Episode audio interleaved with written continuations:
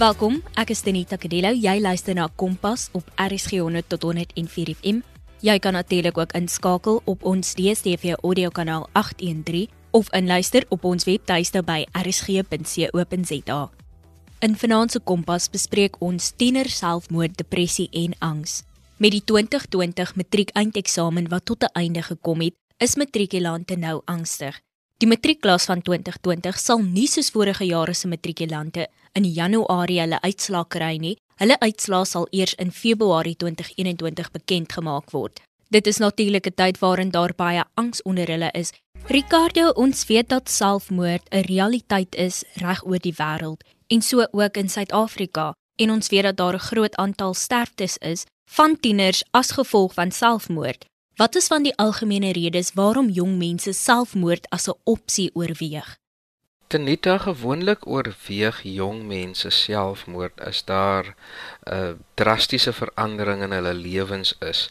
Uh ons kyk byvoorbeeld na drastiese veranderinge in die gesin, soos 'n uh, egskeiding, as hulle sibbe verhuis, uh sibbe wat hulle 'n uh, goeie verhouding mee het, verhuis uit die huis uit beweeg en ook as hulle self na 'n nuwe stad toe gaan. En dan ook die dood van sibbe of die dood van uh ouers. Uh die een mag verlore voel en dan 'n selfmoord baie aantreklik as 'n manier om te ontsnap van hierdie gevoelings. Dan ehm um, kyk ons ook na veranderinge in vriendskappe waar dan nuwe vriende ehm um, in die prentjie kom en gewoonlik vriende ook wat wat nie 'n goeie invloed op tieners het nie. Nog 'n groot oorsaak is probleme op skool of dit nou dalk afknouery is of daar eh, druk by die skool is, mag die uh, persoon of die tiener ook selfmoord oorweeg as 'n manier om te ontsnap. Dan ook die dood van 'n troeteldier. Dit is iets wat gewoonlik oorkyk word want uh, baie mense voel hierdie is net 'n dier, maar die verhouding tussen 'n tiener en 'n troeteldier kan baie sterk wees en veral hoe jonger die persoon is mag dalk nie dood verstaan nie, so dan kan die tiener ook selfmoord oorweeg as 'n manier om te ontsnap. Shurikardo, dit maak nog al 'n ou bietjie angstig as jy so daarna kyk. Gewoonlik is dit mos maar in jou kop dat ag, dis nog 'n kind, die kind sal oor dit kom, maar dis verstommend om te sien hoe swaar hierdie ding eintlik op die kind rus en dan die kind op die einde van die dag selfmoord as die enigste opsie sien. Dis verskriklik, Ricardo. Is dit waar dat selfmoord al hoe meer toeneem? In Suid-Afrika is 9% van alle tienersterftes weens selfmoord en dit is definitief aan die toeneem. Uh so ons kyk miskien na die ouderdomsgroep van 15 tot 24 jaar en in hierdie groepe selfmoord die tweede grootste oorsaak van sterftes en dit is die vinnig groeiendste op die oomblik. Volgens SADAG, die Suid-Afrikaanse Depressie en Angsgroep, het 90% van tieners wat sterf weens selfmoord 'n onderliggende geestesongesteldheid.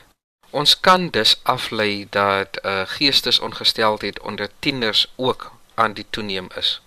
Ricardo, die statistiek is natuurlik skokkend en die toenemendheid in geestesgesondheid onder jong mense is natuurlik ook 'n kwessie wat regdeur die jaar in die media was en gewoonlik praat baie jong mense en tieners daaroor maar hulle sal grappe maak oor dit of hulle vriende of familie sal dit as 'n grap beskou. Hoekom dink jy sal 'n jong mens of iemand wat wil selfmoord pleeg, praat daaroor? Met ander woorde, praat oor wat hulle gaan doen of praat dat hulle gaan selfmoord pleeg. Tenita, wanneer iemand praat oor selfmoord of dreig met selfmoord, is dit gewoonlik 'n roep om hulp. So dit is 'n hulpkreet.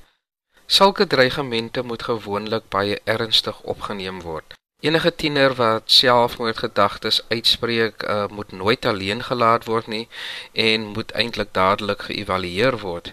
Indien iemand dan dalk praat oor enige selfmoordgedagtes, is dit belangrik om so iemand so gou as moontlik by 'n gesondheidsverskaffer te kry en dan met die tiener en die gesondheidsverskaffer gesels oor selfmoord en dan ook 'n noodplan hou 'n skriftelike noodplan. Wat sal gebeur indien die tiener wel voortgaan met hierdie uh gedagtes of vir hom of haar probeer seermaak? Ricardo, dan wil ek kom by ons graad 12. Die matriek eindeksamen is nou verby en hulle gaan nie soos die vorige matrikulante in Januarie hulle uitslag kry nie. Hulle uitslag gaan eers in Februarie bekend gemaak word. Nou ons weet dat dit 'n tyd is waarin angs en vrees baie hoog loop. En van wat ons vorige jare nou al gesien het, dat die opsie van selfmoord indien 'n matrikulant dryp sterk oorweeg word. Ricardo, dink jy dat ons steeds op die uitkyk moet wees daarvoor hierdie jaar? Absoluut. Een van die hoofoorsake van selfmoord onder tieners is probleme op skool.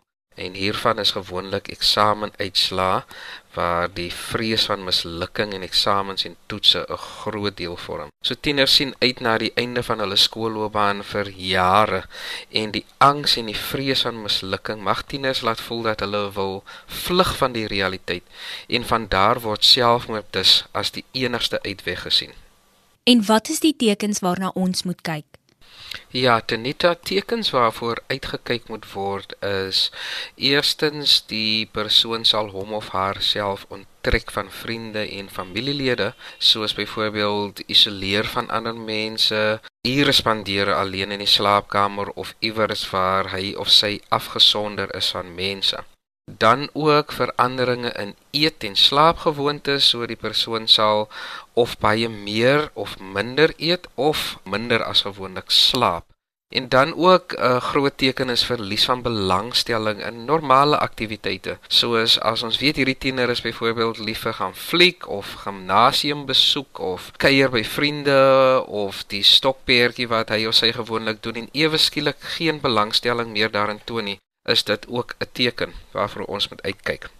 Dan ook um alkohol en dwelmmisbruik, so skielike deelname of waar die tiener dalk wel geëksperimenteer het met alkohol en dwelms voorheen dat dit skielik nou toeneem.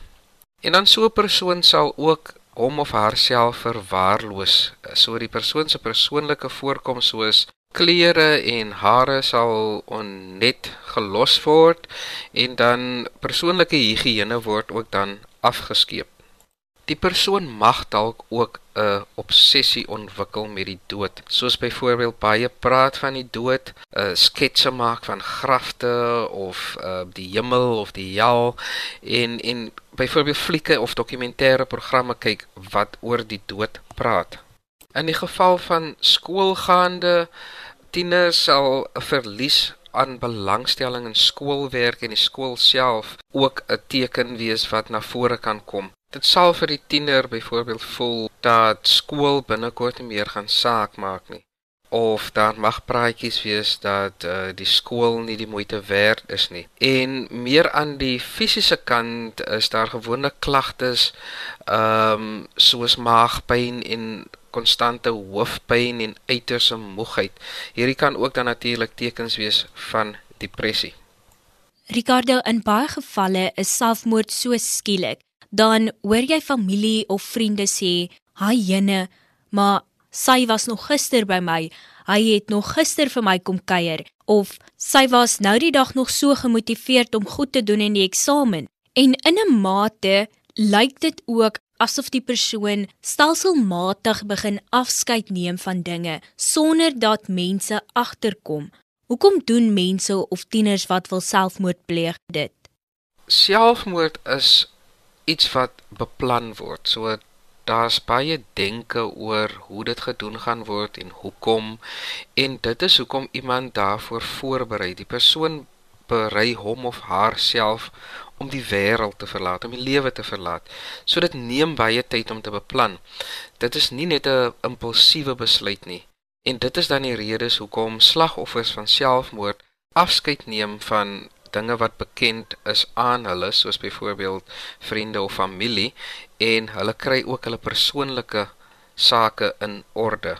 Sjoe Ricardo, dit is regtig intens om te dink jy sit en jy doen al hierdie beplanning waarby jy ten einde 'n selfmoordpoging gaan aanwend. Ricardo, ek wil graag weet watter rol depressie in hierdie selfmoordoorweging speel. Soveel as 90% van tiener selfmoorde in Suid-Afrika is as gevolg van onderliggende geestesversteurings waarvan depressie die grootste deel vorm. So gevoelens van angs, hopeloosheid, uh hulpeloosheid, dis alles deel van depressie simptome. So hierdie simptome gaan nie gewoonlik van self weg nie en dit is as dit onbehandeld bly, mag die persoon selfmoord as die enigste uitweg sien om te ontsnap van hierdie greep van van hierdie uh, simptome van depressie. Ricardo dan is daar natuurlik diegene wat selfmoord oorweeg, die poging aanwend en dan nie slaag daarin nie. Hierdie persone word dan gerehabiliteer, maar wat is die kanse dat hulle weer selfmoord sal oorweeg?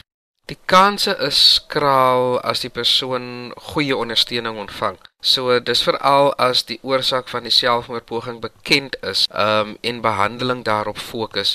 Soos byvoorbeeld as die uh onderliggende probleem depressie is en dit word geïdentifiseer as die oorsaak, kan medikasie en deurlopende terapie toegedien word wat dan sal verhoed dat die persoon selfmoord in die toekoms sal oorweeg terapie met 'n uh, geestesprofessioneel uh, soos byvoorbeeld 'n uh, maatskaplike werker of 'n sielkundige sal ook dan fokus op maniere om te verhoed dat daar weer hierdie selfmoordneigings opkom.